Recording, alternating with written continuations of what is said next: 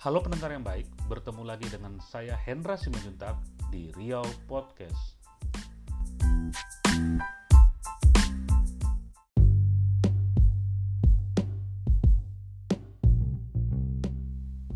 Desakan agar Pilkada 2020 ditunda bermunculan dari sejumlah pihak, baik secara pribadi maupun secara kelembagaan. Kita sama-sama tahu beberapa waktu lalu salah satu ormas besar keagamaan Nahdlatul Ulama telah mengeluarkan eh, surat yang salah satunya poinnya mendesak agar Pilkada 2020 ditunda karena meningkatnya kasus penularan COVID-19 di Indonesia.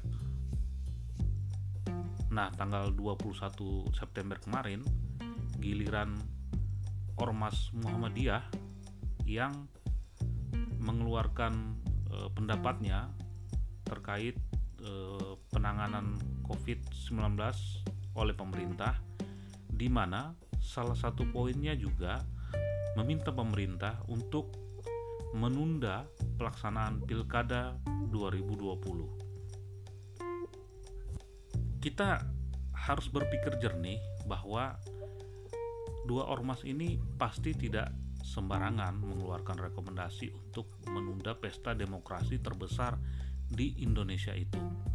Karena ini kan eh, hubungannya atau kaitannya berkaitan dengan hak dari masyarakat, hak suara dari masyarakat untuk menggunakan hak pilihnya dan memilih kepala daerah yang e, menurut dia atau menurut mereka itu dianggap cocok untuk membangun wilayahnya baik itu mempertahankan orang yang tengah menjabat saat ini atau mengganti dengan orang yang dianggap lebih baik.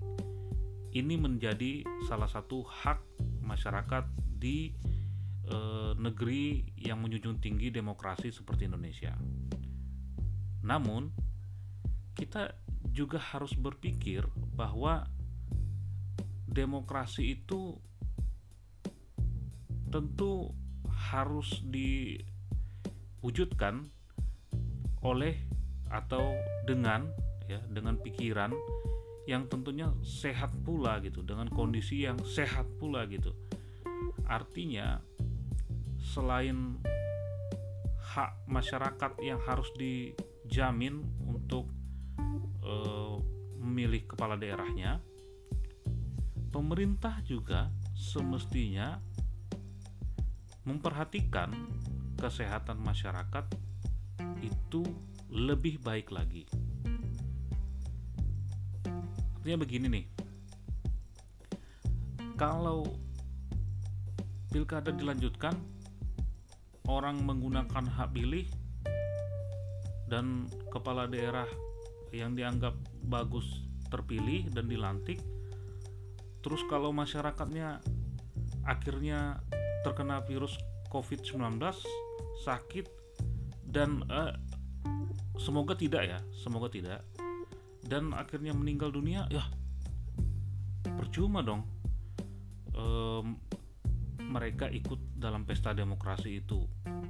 Kalau ternyata hak mereka untuk mendapat kesehatan itu juga ya mendapat kesehatan lingkungan yang sehat dan segala macam itu tidak tidak tidak tidak diterima gitu. Ya kita tidak tidak menampik bahwa pemerintah memang e, sudah berupaya sekuat mungkin untuk mencegah COVID-19 ini e, merebak kembali ya. Tapi kita juga harus melihat bahwa grafik penularan COVID-19 di Indonesia kian hari kian meningkat. Bahkan jumlah kematian yang eh, ada saat ini sampai kemarin itu sudah hampir mencapai 10.000 jiwa di seluruh Indonesia. Ini tentu bukan eh, kita kita jangan berbicara terkait angka ya, satu orang saja sebenarnya yang meninggal akibat COVID-19 ini sudah banyak. apalagi ini sudah hampir tembus 10.000 jiwa dengan kondisi vaksin COVID-19 sampai saat ini belum juga ditemukan. Orang mungkin bisa mengklaim, "Wah, ini kita udah ada obatnya untuk mencegah COVID-19. Oh, kita punya herbalnya dan segala macam." Orang mungkin sudah mengklaim itu, tetapi kita lihat sampai saat ini jumlah orang yang tertular COVID-19 setiap hari selalu bertambah Contohnya di Riau saja, dalam beberapa pekan terakhir itu bahkan jumlahnya tak pernah tak kurang dari 100 orang per hari. Ada yang 303, ada yang 200 sekian. Ini kan harusnya jadi perhatian serius gitu.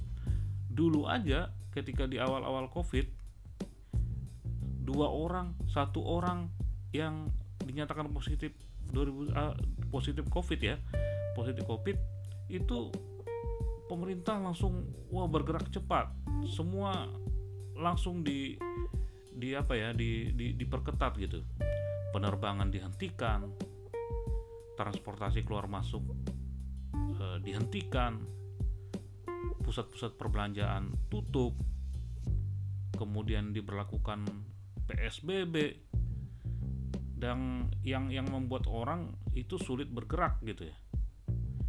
Nah, itu masih penambahannya sekitar hanya satu digit per hari.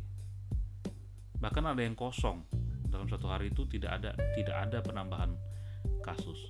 Nah, saat ini ketika penambahan kasus COVID itu meningkat drastis gitu sampai angka ratusan, lah pemerintah kok kesannya jadi uh, menangani sih menangani tapi akhir tapi ada ada ini ya ada pengecualian pengecualian seperti tadi itu buktinya ya sampai saat ini penerbangan juga nggak ditutup tuh.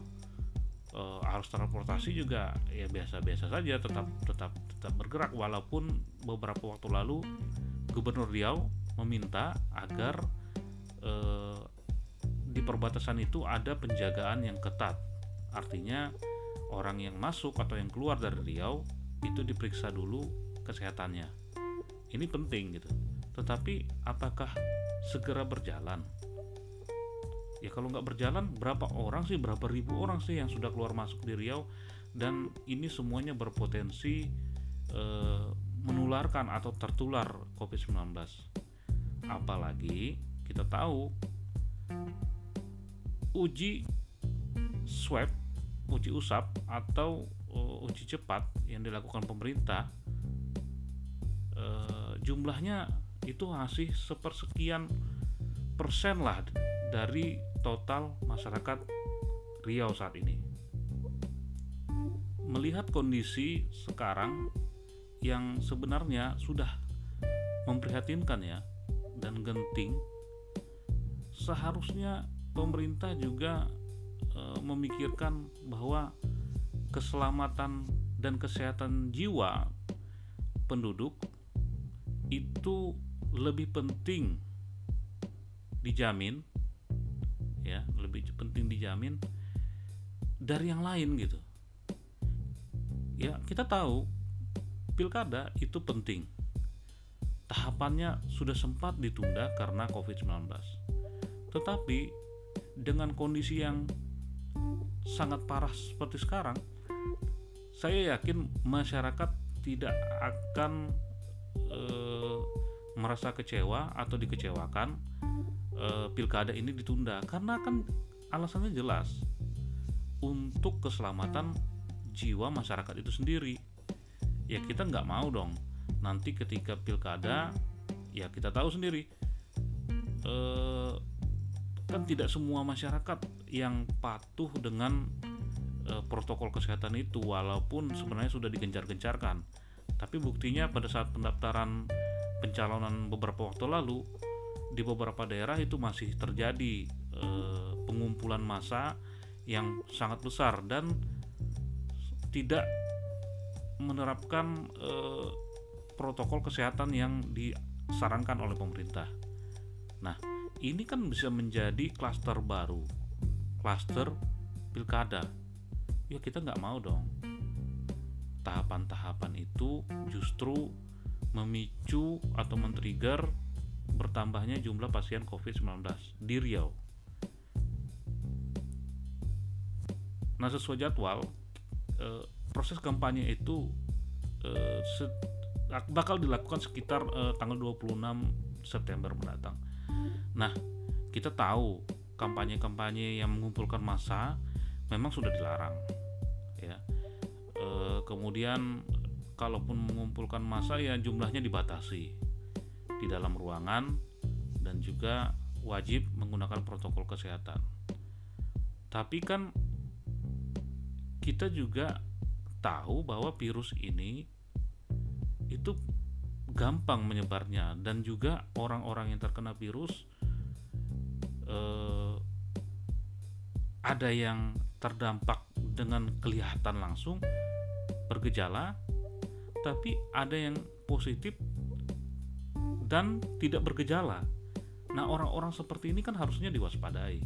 Dan ketika ada pengumpulan massa walaupun jumlahnya hanya 40% dari yang uh, semestinya dari dari dari isi apa ya daya tampung gedung tapi kan ini semua kan 40% ini kan orang semua dan berpotensi semua untuk uh, menularkan virus berbahaya ini. Nah contohnya saja nih. Saya nggak mau kasih contoh sedikit. Untuk di maskapai saja ketika kita naik pesawat kan sebenarnya protokol kesehatannya ketat ya. Dan itu uh, harusnya ya uh, dijamin bahwa orang-orang di sana tidak terkena COVID-19 dan ada jaminannya. Jumlahnya juga nggak banyak, paling berapa ya satu pesawat 200-300 orang. Tapi masih ada saja ditemukan kasus penumpang yang ternyata positif COVID-19 dan masih boleh masuk gitu. Nah ini kan harusnya jadi jadi, jadi acuan juga gitu ya bahwa eh, seketat apa pun protokol kesehatan jika eh, aturan itu membolehkan adanya pengumpulan massa dengan jumlah yang cukup banyak ya potensi penularan tetap aja terjadi saya rasa gugus tugas baik di daerah khususnya di daerah ya di daerah-daerah yang menggelar pilkada eh, semestinya membuat rekomendasi membuat rekomendasi agar uh, pilkada ini ditunda saja. Ikutilah uh, hati nurani kita bahwa kesehatan masyarakat dan keselamatan jiwa masyarakat itu jauh lebih penting. Kita tahu kemarin uh, seperti saya kutip dari situs Tribun Pekanbaru.com uh, KPU Riau uh, telah menyatakan bahwa mereka sebenarnya tidak bisa berbuat apa-apa dengan uh, adanya uh, desakan agar pilkada ditunda karena itu bukan kewenangan mereka katanya. Ini kata dari PLH Ketua KPU Riau Joni Suhaidi. Nah, menurut dia eh, sebagai penyelenggara KPU tidak bisa membuat kebijakan untuk menunda pilkada. Nah, kebijakan itu tentunya harus datang dari pemerintah dan DPR RI dengan e, mengacu kepada rekomendasi gugus tugas nasional. Nah, gugus tugas nasional tentu juga bisa e, mendapat gambaran dari rekomendasi gugus tugas daerah. Nah, tiap daerah tiap kabupaten kota yang ada di Riau termasuk yang menggelar pilkada di sembilan daerah itu itu kan punya gugus tugasnya nah kalau memang eh, kasus covid eh, covid 19 nya itu meningkat ya rekomendasikan dong kepada gugus tugas provinsi supaya merekomendasikan ke gugus tugas nasional untuk menunda pilkada 2020 jangan dipaksakan eh, ini dilakukan dan akhirnya justru kelabakan seperti sekarang kelabakan uh, jumlah pasien membludak, ruang isolasi uh, pasien itu uh, terbatas dan tenaga medis juga terbatas. Ya kita harus memperhatikan orang-orang yang berada di garis depan. Tenaga medis begitu jumlah pasien ini banyak, ya kita nggak nggak nggak bisa nggak bisa langsung uh, simsalabim menciptakan tenaga medis dokter secepat mungkin gitu ya nah ini kan ada bukan bukan bukan langsung harus kita uh, satu dua hari udah dokter ada gitu di rumah sakit itu. Ya nggak bisa begitu gitu. Nah kita harus perhatikan juga mereka yang menangani covid 19 ini gitu pasien covid 19 ini. Termasuk juga aparat-aparat yang ada di lapangan. Ya kasihan juga dong mereka sudah setiap hari berkutat di lapangan e, mungkin mungkin ya juga dilanda e, ketakutan bahwa mereka bakal tertular di lapangan karena mereka kan bertemu banyak orang ya semua orang terus membawa itu ke rumahnya ya tentu kan ada rasa khawatir menurut saya bisa menularkan keluarga istri atau anaknya atau suaminya di rumah.